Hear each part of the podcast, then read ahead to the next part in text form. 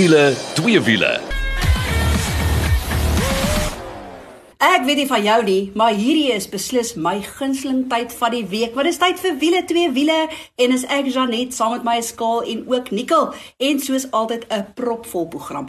Hallo manne. Hallo, hallo. Hallo mense. Nou toe, ons gaan 'n bietjie kyk na drie padtoetse en dan het ons altyd 'n lekker wenk van die week en die derde episode van Perdekrag is ook daar as jy wil gaan loer, maar bietjie meer daaroor later. Maar kom ons spring weg met ons eerste padtoets van die week en dit is met Mazda se CX-5, maar spesifiek hulle Carbon Edition. Hoorie, Mazda is 'n uh, weet nie of julle sal saamstem nie, maar vir my 'n fabrikant wat half 'n ander dalk is en as mense maar net besef wat 'n fantastiese waarde vir geld jy kry saam met Mazda. Ja, ek moet 100% saam met jou stem. Jy weet daar's uh, al 'n tyd lank wat uh, Mazda klop aan die deur van veral die Duitse vervaardigers as jy kyk na hoe hulle um afwerking en goed in die binnekant, die kwaliteit wat dit is en die eenvoud. Ek weet nie of jy al agtergekom het as jy nou in 'n Mazda klim dat hy het alles in wat die ander karre het, maar dit lyk net nie so besig nie. Dis baie stylvol. Jy weet daai die leerbekleedsel op die goed. Dit is net regtig vir my baie spesiaal en die kar ry ook baie lekker nikkel. Ja, ek stem saam met jou al. Ek dink waar Mazda regtig voor uitgegaan het, eerstens hulle het hulle stelering begin regkry. Van buite af daai karre lyk net ongelooflik. En dan van binne af, ek moet sê daai interieur van daai nuwe, ons praat nou van die Mazda CX-5 hierso. Gaan doen jouself 'n guns gaan kyk na hierdie kar se interieur. As jy oop toemaak en jy kyk nie na die badge nie, of ek wil amper sê maak jy oop oop en kyk vir die res behalwe die badge, dan sal jy sien dit lyk premium. Dit lyk werklik waar premium. Dit lyk of hy boks in 'n baie duurder klas soos wat hy is. Die een wat ons natuurlik van praat is die Carbon Edition. Ek dink Mazda was nogal slim in die opsig Mense het nie regtig die 4x4 nodig nie, maar jy het al die tierlantuintjies nodig. So nou gee hulle vir jou daai 2 liter petrol enjin met 121 kW. Dis 'n 6-spoed outomaties voorwielaandrywing, maar verder het hy alles in, net net. Absoluut alles. En jy, daar kan ek met jou saamstem, Nikkel. Die binneruim van hierdie Carbon Edition is so 'n kombinasie van leer en suede. Dis so lyks. Ons sê altyd ouens, vergelyk appels met appels. As jy kyk na die veiligheidsaspekte wat jy saam met hierdie CX-5 Carbon Edition kry, Man, hy het al die waarskuwing, baan, dwaal waarskuwingsstelsel, alles waarna jy kan dink het hy. Wat ek natuurlik mal oor is, as jy nou wonder maar waar kom hierdie Carbon Edition in? Dis net om vir meer sportiewe elemente in te bring, soos byvoorbeeld hy het hierdie pragtige mooi alloy wiele. Daai 19 duim is uh, wiele is aan bitter mooi, nee. Ek moet vir jou sê, daar is karre wat op die paai loop wat die Max nie vir my lekker lyk nie, maar hierdie is definitief vir my baie mooi. Ek wonder partykeer of dit sou goed gewees het as ek dalk 'n dwaal waarskuwing gehad het. Ehm um, vir vir jou persoonlike lewe yes, of ja, vir myself. Hy die alarm sou die hele tyd afgegaan het. Hoorie, ek is mos mal oor swart. As jy by klerekas ook maak, dan is dit behoorlik. Ek dog gespers. by ringe pers. Ja, pers, maar wanneer ek klere dra, is dit swart. En ek dink dis een van die redes hoekom hierdie Carbon Edition vir my so pragtig is, want hy het hierdie hy het 'n sondakkie wat swart is. Hy het sulke swart speeltjies aan die kant. Hy het sulke swart elemente wat in die binneruim inkom. Nee, wat? Sulke swart bande. Uh, kan jy imagine as jy witbande gehad het? Dit sou nie gewerk het nie. Ek wil net gou gepraat oor die Mazda CX-5. Sien jy wonder nou watse kategorie? Dis natuurlik nou die mededingers kry jy nou in jou Volkswagen Tiguan en jy kry nou jou RAV4. Dis vir my eintlik die perfekte familiegrootte voertuig. Dis iets wat jy die familie in kan laai. Jy het genoeg kattebak spasie om, om vir 'n naweek weg te kan gaan. Enigiets wat kleiner as dit is voel vir my so half stads. Maar hierdie een kan jy die lang pad meer vat. En ons weet daai 2 liter petrol enjin is daai Sky Active, hy's baie lig op brandstof. 'n Kaarttydskrif noem hierso en hulle sit altyd 'n bietjie by 8 liters per 100. Toe net het julle in daai omgewing gekry? Ja, nee presies. Nee, hy's baie lig op brandstof ook. Ja, en dan wil ek net praat oor die prysklas. So die Mazda CX-5 begin hierso by 450 000 rand. Dis vir die intree vlak daai Active. Dan gaan dit al die pad op na daai lieflike 2.2 diesel al alle wiel aandrywing Alcantara en hy kos 676. Maar hierdie Carbon Edition is nou pragtig mooi hier in die middel 565800 en soos ek sê vergelyk hom bietjie met van die ander oppositie wat ons genoem het en ek sou vir jou sê jy gaan verbaas wees. Absoluut en ek dink die lekker ook van die diensplan wat saam met hom ingesluit is, jy kyk na 'n 3 jaar onbeperkte kilometers. So as jy nou baie lank pad ry is, gaan dit nou absoluut in jou gunst stel. So gaan loer bietjie op ons Facebook bladsy, daar's videogrepe wat vir jou pronk en uh, dan sien jy hoe lyk hierdie Mazda CX-5 Carbon Edition.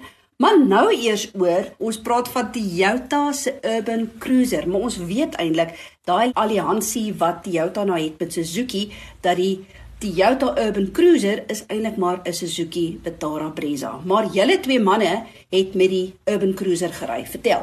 Ja, Janet, ek kan uh, punt nommer 1 is ek doodseker hulle verkoop bitter goed. Ek dink ek het 'n syfer gesien van die baie 1000, jy weet in die eerste maand wat hulle verkoop het van hulle. En dit is te verwagte. Toe ek hom my eerste keer sien, ons het dan die Suzuki eerste gehad en toe die Toyota gekry, het ek sommer geweet, jy weet die ouens wat so in Suid-Afrika is Toyota mal, ons almal weet dit, so is glad nie 'n verrassing dat dit so goed verkoop nie. En ehm um, selfs meer verkoop as die Fortuner al is hulle nie dieselfde groep nie. Weet die Fortuner was maar altyd die SUV, al is hierdie nou 'n kleintjie wat die beste verkoop het in die uh, Toyota handelsmerk. Maar voel jy nie jammer vir Suzuki aan die een kant, die voor ons nou in die kar inklim. Ek bedoel hulle verkoop wat 50 'n maand en nou verkoop Toyota 1000. ja, as ek aan 'n Suzuki handelaar is, het ek nou gefrons hoor. Ja, ek dink uh, soos ek weer gesê het, jy weet, dit is een van die handelsmerke wat se hake baie diep ingeslaan is in Suid-Afrika. Nicole, die ek dink die handelaars-netwerk as dit kom by dienste en ondersteuning en daai goed speel 'n baie groot rol. Ja, ek dink die lekker ding hier van die Urban Cruiser is die feit dat hulle sê ook, jy weet deur die week kan jy lekker in die stad rondrits, maar as jy oor naweek uit die grondpad wil gaan aandurf, ons het toe ons nou spesifiek met die Brezza gery het, het ons lekker grondpad gery en ek bedoel dis mos my eintlik maar een en dieselfde kar. So daai is eintlik daai perfekte kombinasie van 'n kompakte sportnuts wat regtig bekostigbaar is en nou met die Toyota handelsmerk natuurlik ons hoef net te kyk na die verkope syfers. Maar as ons nou kyk daar's drie graderingsvlakke ook. Ons het met die XR gery. Nicole wat was jou gevoel? Ja die enetjie wat ons gery het was die top spesifikasie een. Dis die een met die outomatiese radkas en hulle almal het daai 1.5 liter enjin in 77 kW 138 Nm dis oor genoeg jy gaan nie die wêreld in die brand ry nie. Ek dink ons moet nou hier vir mekaar sê hierdie is 'n kompakte sportnuts. Dis iets wat jy regtig mee eintlik in die stad wil rondry. Jy sit lekker hoog. Baie van die mense verkies mos nou om bietjie hoër te sit en het genoeg spasie in die binnekant om die kinders in te laai. Sy kattebak is nie astronomies groot nie, maar jy kan geen inkopies gaan doen. Jy kan die kinders rondry. Ek het heelwat lankpad met hierdie kar gery toe ek hom gehad het. Ehm um, ek kan vir jou sê op die lankpad, ja, daar is maar windgeraas wat jy kan hoor. Ehm um, die enjintjie moet maar bietjie hard werk as jy nou teen bilte opry en so, maar onthou net die prysklas. Jy net gee gou die pryse van hierdie kar. Die pryse begin by 247900 en dan hardloop dit al die pad op na daai reeds daai XR outomaties wat ons gehad het en dan kyk jy na 315700. Ja, so terwyl ek die kar gery het, het ek gedink vir wie gaan dit nou werk, nê? Want ja, as jy nou 'n petrol het, is die stuur is 'n bietjie lig. Ag hy hanteer goed, maar dis niks om jou opgewonde te maak nie. Dis soos 'n produk wat hy doen, presies wat hy moet doen. So ek het besef, weet jy wie is hierdie kar se target mark? Vertel. Een wat dit definitief voor is, is ek het 'n oomie wat ek ken wat nou 'n aftreekar soek. En hy wil iets hê wat vir ewig gaan hou. Hy wil bietjie hoog sit. Hy het nie die geld vir hierdie duur Duitse goederes nie. Ek het hom die kar gaan wys. Hy was verlief op hierdie kar. Hy het 'n raakskerm en hy het 'n kameraatjie wat vir hom terugwys. Outomatiese radkas werk vir hom lekker. Hy het lekker gesit in die kar. Hy was oor en oor verlief op hierdie kar. Vir hom het hierdie goed van die stuur is lig en al daardie tipe goed het vir hom niks beteken nie. Dis 'n Toyota of hy sien 'n Toyota badge. Hy sien nie karretjie. Dit werk vir hom. Ek dink iemand wat jou kinders wil rondry in die dorp en jy soek iets wat betroubaar gaan wees en vir lank gaan hou. Die karretjie is vir jou. So ek dink net dis hoekom hulle 1000 'n maand verkoop. Hierdie kar gee vir jou gemoedsrus. Jy weet dis Japanees, jy weet dit gaan hou. Gaan natuurlik die wêreld aan die brand ry nie, maar hy tik so baie boksies kom. Dit is my interessant wat ek nou nogal dink en ons almal weet dat die SUV mark uh, het lankal die sedan mark verbygesteek. Hierdie gaan 10 to 1 raak soos die Corolla was. Ja. In sy segment net die duisende verkoop. Want dit is eintlik maar waarvoor almal nou gaan. Hulle soek iets wat werk. Corolla het gewerk. Hulle soek iets wat betroubaar is. Die Corolla was betroubaar. Maar nou soek hulle ook 'n SUV, iets wat bietjie hoër is, wat jy so bietjie kan grondpad mee ry. So daar's geen rede hoekom hierdie kar nie baie gaan verkoop nie. Ja, en ek wil brandstofverbruik, ek het heel naweek met hom rondgery, selfs die familie, selfs lankpad. Dit was alles hier by die 7 liters per 100. So, dis ook nie sleg vir die groot kar met 'n 1.5 liter enjin nie. So op die ount van die dag, ek dink is gemoedsrus wat jy hierso koop. En dis wat hulle gaan doen. So, gaan kyk na die Suzuki ook, gaan kyk na die Toyota. Ek wil amper sê speel die handelaars te mekaar af vir die beste prys. En dan kyk jy wat jy gaan gedoen kry, maar jy gaan nie verkeerd gaan deur een te koop nie. En ek sal natuurlik gaan vir daai XR. Die outomatiese radkas het my natuurlik glad nie geplan nie, maar wat lekker is van die XR, jy het jou trierad kamera, jy het klimaatbeheer. Ehm um, al die modelle kom natuurlik met daai fantastiese inligtingstelsel wat jy Apple CarPlay en Android Auto kry. Ek het nou so bederf geraak met die stelsel dat as ek in 'n voertuig klim wat dit nie het nie, dan voel ek eintlik half aardig. Maar ja, gaan kyk bietjie hoe lyk die Toyota se Urban Cruiser. Maar nou eers oor na ons derde padtoets van die week. Ja, Honda se belaat. Nou ouens, Die Honda belaat het 'n baie ryk geskiedenis in Suid-Afrika. Kom al van 1982. Ons het groot geword met Honda belaat. Maar ek weet nie, hy doen nie meer dieselfde aan my as wat hy in die verlede gedoen het nie. Jy praat oor groot geword met belaat. Hoekom het die belaat so groot geword? ja, hy is, is dit nou 'n Camry? Hy is groot hoor want hy's langer, hy's breër, hy's alles.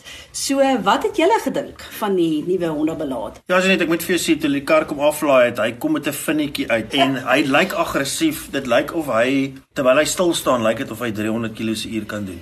Ja. Maar, maar, groot maar, dan klim jy in hom. En hulle het hom geseën met 'n CVT radkas met die langste rekkie wat jy in jou lewe kan kry. Ek beloof jou, ek die kar is binne is mooi afgewerk. Hy's mooi van buite af. Dit's nie sleg lyne nie. Hy's 'n bietjie groot. Uh, ons is nou gewoond aan die belaat uh um, wat hy so klein bietjie kleiner is. Maar as jy skielik daai voet neersit, nê? Nee, Dis amper soos jy iemand in die middel van die nag wakker maak en hom sê staan op, staan op, tree aan in die army. Maar dan gebeur daar niks nie.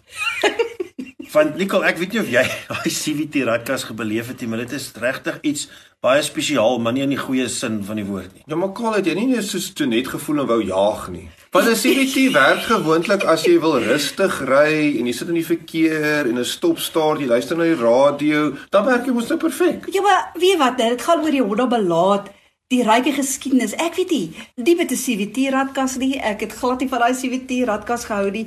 Wie was was die ergste? Dit kosel daar by saamstem. Kyk, daar's verskillende modelle, maar onder andere kry jy 'n model met 'n RS. Daar's hy, daar's die spoorstede. Daar's hy, daar's hy. Ja, alles behalwe, alles behalwe. Daai RS staan vir road sailing. So Sail. ja. Maar dis nou presies, dis nou presies wat Nicole gesê het, Janet. Die kar, as jy hom rustig ry, is ek seker, ek het daar staan met jy kalm ry, dan is die CVT nie, nie glad nie sleg nie. Ek wil maar as jy nou vinnig op die snelweg klim en jy moet jou voet neersit of jy wil 'n gap of 'n ding slaan, dan moet jy jou beplanning moet goed wees. Jy moet nie 'n ou wees wat spur of the moment tipe gedoen nie. Jy moet 'n ou wees wat beplan. So jy kyk en jy weet oor 'n minuut of so wil ek in daai gaping ingaan. Ja, maar dan span jy jou seil. Ja. Yes, maar dis nou die groot ding. As jy bang is vir die water, nê, nee, en maar jy wil graag 'n boot ry, dan kan jy vir die kar koop. Ja, Road sailing. Dit road sailing, dit voel soos 'n boot, maar jy's op die teerpad. Ja, hoorie, okay, in die Honda belaatse verdediging. Ek het lekker lank pad gery met hom, al die pad Pakketberg toe. Die spoedbeheer was so lekker en dan die binneruim is dis Honda kwaliteit. Dit is baie goeie kwaliteit. Ehm um, ek dink net twee dinge, ouens. Miskien het ons bietjie oud geraak dat ons nie meer wil gaan lê in 'n sedan nie. Ek weet nie alhoewel ons tog nou die dag gesê het is daar nog plek vir 'n sedan toe ons gepraat het van die van die Audi A4 en ons het verseker gesê ja, maar ek dink die kombinasie, ek onthou net Honda belaat heeltemal anders. Ek sal voor ek 'n Honda belaat koop, sal ek eerder vir my 'n Honda WRV koop want hy kom onder andere met 'n handdraad. Ek wil net gou vir jou sê Nicolas, jy hierdie goed lees. As ek nou begin met double overhead cam iVTEC 16 wel viersilinder. Wat kom in jou kop op? Onthou jy VTEC? Dis mos willer as die wildtuin. Ja nee, jo jo jo jo, jy het hom gekyk met daai goeters. Ek bedoel nou op sekere gedeeltes in Suid-Afrika is hy nog steeds willer as die wildtuin.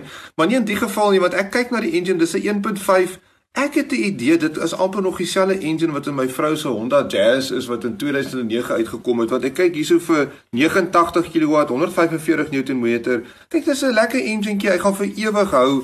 Maar dis nou nie meer daai VTEC VTEC wat jy weet mos hierso by so wat is dit 4.5 5000 revs dan verander daai engine klanke, uitlaat klank en dan trek hy. Maar ek dink nie dit gebeur meer vandag nie. Nou toe, stem jy saam met ons of stem jy nie saam met ons nie? Ons wil graag van jou hoor en jy kan gaan loer hoe lyk Honda se belaat op ons Facebook bladsy en dis so maklik soos wiele twee wiele. Maar op daai noot gaan ons net so 'n bietjie asem skep en dan is ons terug met 'n interessante wenk en ek wil vir jou sê jy wil nie die derde episode van Perdekrag mis nie. Ons is nou weer terug.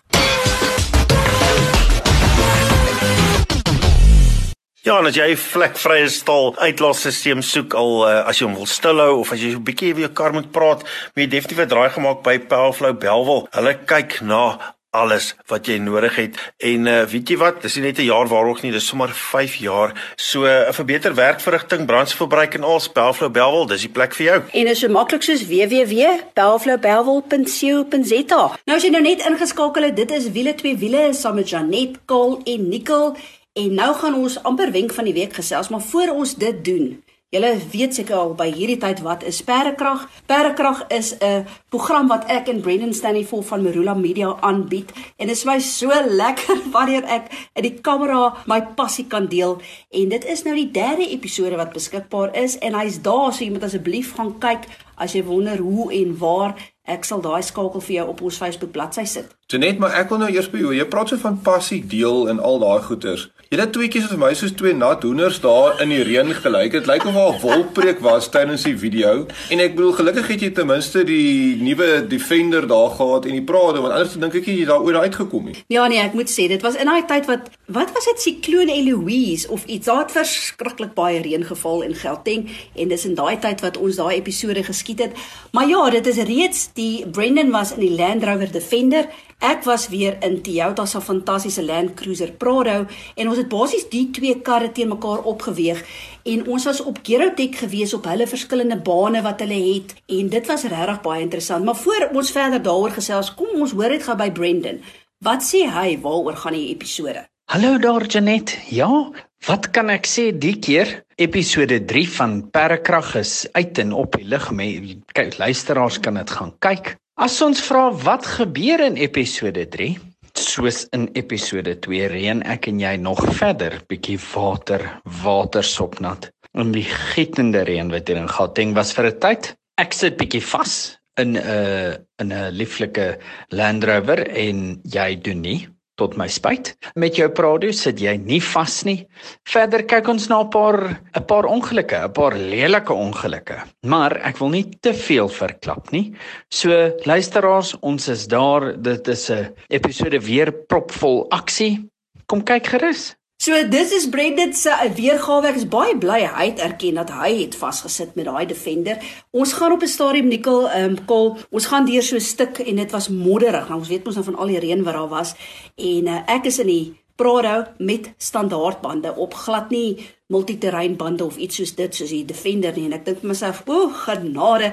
Ek weet nou net nie hier vas sit nie want dit is so lekker modderstuk en ek besluit wag ek gaan net die modder knoppie druk. Want die Prado kom is met hulle MTS stelsel wat hulle noem die multiterrein system. En ek sê vir jou uh, die Defender het vasgesit. Ek het nie. So As jy hierdie episode wil beleef en sien, doen jouself net 'n guns, besoek ons Facebook bladsy. Ek gaan daai skakel wat jy op Dapper Media kan kyk na Perdekrag se episode 3 kan jy daar gaan kyk. Ek wil net gou iets vir jou vra. Ek wil nie al van die program weggee nie, maar ons weet al by Gerotech is daai verskriklike hellings, nê? En op kamera lyk dit mos altyd so nie so erg nie, maar ek weet een van daai hellings kan 'n mens amper oploop nie. En jy het bietjie die hill descent control. Nou dis daai wat vir jou so half help as jy by 'n heuwel afgaan en die twee met mekaar vergelyk. Ek dink dit gebeur baie nie. En uh, hoe vind jy dat daai hobbels is daai heuwels is styl nie? Daai heuwels is so styl. Die kamera doen dit nie soos die Engelsman sal sê justice nie. Want ek bedoel ek het gesien hierdie heuwels kom en ek dink ja, goed. Ek sal nou 'n bietjie moed moet kry hiervoor.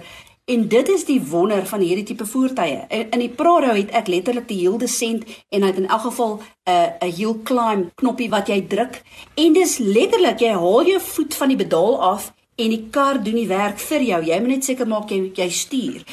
So dit was so maklik soos val uit die boom uit. Ek beloof jou, so gaan loer dit bietjie dan sal jy ook sien waarna ons verwys. En een ding wat vir my ook in die program uitgestaan het is veiligheid. Ons kyk altyd in Suid-Afrika oor veiligheid en uh, daar's mos nou die AA wat hierdie #syferkaars vir Afrika. Nou ons weet al die laaste paar jaar wat hulle doen is hulle vat 'n paar karre by ons mark en uh, dan skeep hulle dit oor Duitsland toe en hulle gaan toets dit, botstoetse want die ding is jy moet 'n kar uit die mark uit want selfs verskillende markte se modelle, die koot wat hier is is dieselfde koot in Indië en daai tipe van ding. En hulle het nou weer karre gaan toets en ongelukkig het daar weer 'n nulster kar te voorskyn gekom. Absoluut. Nog 'n bakkie. Nog 'n bakkie en is eintlik skokkend, maar ons gaan dit nie vir jou weggee nie. Jy moet die episode gaan kyk.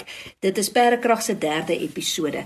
So ja, dit is wat Perdekrag betref, maar nou oor na ons wenk van die week. Nou as jy dink, "Ag, oh, ek gaan nou vir my 'n nuwe kar koop of 'n nuwe motorfiets koop." Ag, oh, moenie worry nie. Die kar of die motorfiets het nou nie papierwerk nie. Ek kan dit later uitsorteer.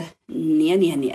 Dis nie so maklik nie. Ja nee, ek dink dis 'n baie praktiese wenk en uh, meneer Nicolou wat nogal redelik doenig is met papierwerk, ehm um, sal vir ons 'n paar stories kan vertel. Nou ek onthou toe ek jonger was, was dit 'n redelike maklike ding. Jy het gegaan, jy het vir jou die papiere gegee, jy het 'n geel vorm geteken, jy het jou stukkie gedoen En woordswarts, jy's in en uit by die verkeersdepartement en die kar is op jou naam en jy of jy motorfiets en jy het jou lisensie skyfie.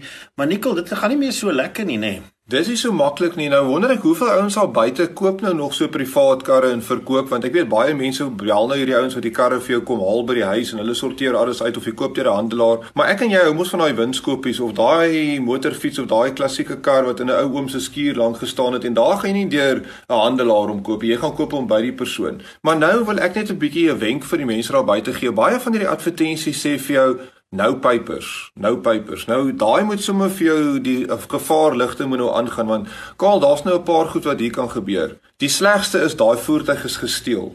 En uh, nou sê hulle vir jou geen papiere nie, jy moet maar na die tyd gaan uitsorteer. Nou die een van die eerste goed wat jy gaan moet gaan doen is 'n polisie klaring kry waarvoor dit dan vat hulle die WIN-nommer en die enjinnommer hardloop deur die stelsel. Dis sommer 'n Interpol stelsel. Ek kyk sommer wêreldwyd. En as hy vir jou sê daai voertuig is ergens gesteel, dan is jy ook sommer in die moeilikheid as jy die voertuig dan nou het. So dis die eerste groot ding wat jy moet pas op vir nou papers. Nou Daar's 'n klomp ander maniere hoe dit ook gebeur en baie baie keer is die ouens te lui as hulle voertuig gekoop het om hom op hulle eie naam te registreer. So nou ry hulle die motorfiets, hy's nog op die vorige eienaar se naam en dan nou oor 'n paar jaar of so dan besluit jy, mm, ek wil nou die ding verkoop. Maar nou is daar 'n moeilikheid want jou lisensieskyf is agterkaal. Het jy nou al agtergekom dat Jou voertuie is deesdae almal aan mekaar gekoppel wat op jou naam is. Jy kan jou lisensieskyfie hernie as al die ander karre op jou naam nie ook op datum is nie. Weet jy daarvan? Ek het gehoor daarvan en uh um jy weet waar jy nogal die moeilikheid kan trap, maar dit is natuurlik as jy iets koop by iemand en daai persoon het agterstallige goed, dan gaan hulle nie vir jou daai lisensieskyfie gee nie. En veral as jy nie in dieselfde provinsie as daai ou bly nie, hoe gaan jy hom kry om al sy goed te betaal? Dis nou 'n nagmerrie want nou koop jy, sien nou maar motorfiets in Pretoria, jy bly in die Kaap, dit word afgeskip hiernatoe, nou papers soos wat jy gesê het, nou gaan jy hier na die verkeersdepartement toe in die Kaap. Hulle trek hulle skouers op. Hulle sê nee meneer, hier's 'n paar duisend rand se lisensie vir jou agterstallig en dit moet uitgesorteer word daarbo. En ehm um, die ouens wat ook vir jou sê, ag daai Inatus papier is mos die belangrikste een vir jou voertuig. Daai oorspronklike registrasiedokument, hy's gewoonlik so so groen blouerige A4 vorm, nê, nee, met al die details op. Daai ding moet jy soos goud bewaar. Want as hy weg is, dan as jy as eienaar kan vir 'n duplikaat aansoek doen, maar net in persoon in die provinsie waar jy is. So as daai storie van o nee, my dis my vriend se se motorfiets, hy's op die oomblik is hy oor see, maar moenie bekommer nie, jy gaan sommer verkeersdepartement toe en kry vir jou duplikate sit op jou naam. Dit werk nie so maklik nie. Ja, so dit wys jou net wees baie versigtig wanneer jy 'n voertuig of dan 'n motorfiets koop en dit sê no papers want dit gaan vir jou klomp kopseere veroorsaak. Ja, ek wil net voor ons groet sê ons het nou nie nou twee wiele gehad nie. Ons werk aan 'n paar toetsmotorfietsse, maar die goeie nuus is is hierdie komende naweek is meneer Maak Maakes terug op sy Honda. Ja, ja. Hulle het dit bekend gemaak. Dit is na 9 maande van 'n motorfiets af en hulle toetsryer Stefan Bradel sê dit sal hom nie verbaas as Maak op die podium eindig nie alhoewel hy nie dink dit is wat hy gaan wil vermag nie hy wil net weer in die swing af dinge kom en uh, ek dink dis goeie nuus vir die kampioenskap oh, ek kan nie wag nie Dankie dat jy saam met ons gekuier het hier by Wiele 2 Wiele. Besoek ons Facebook bladsy vir al die inligting en ook vir daai skakel vir die perdekrag episode en tot volgende week toe. Hou daai wiele aan die rol.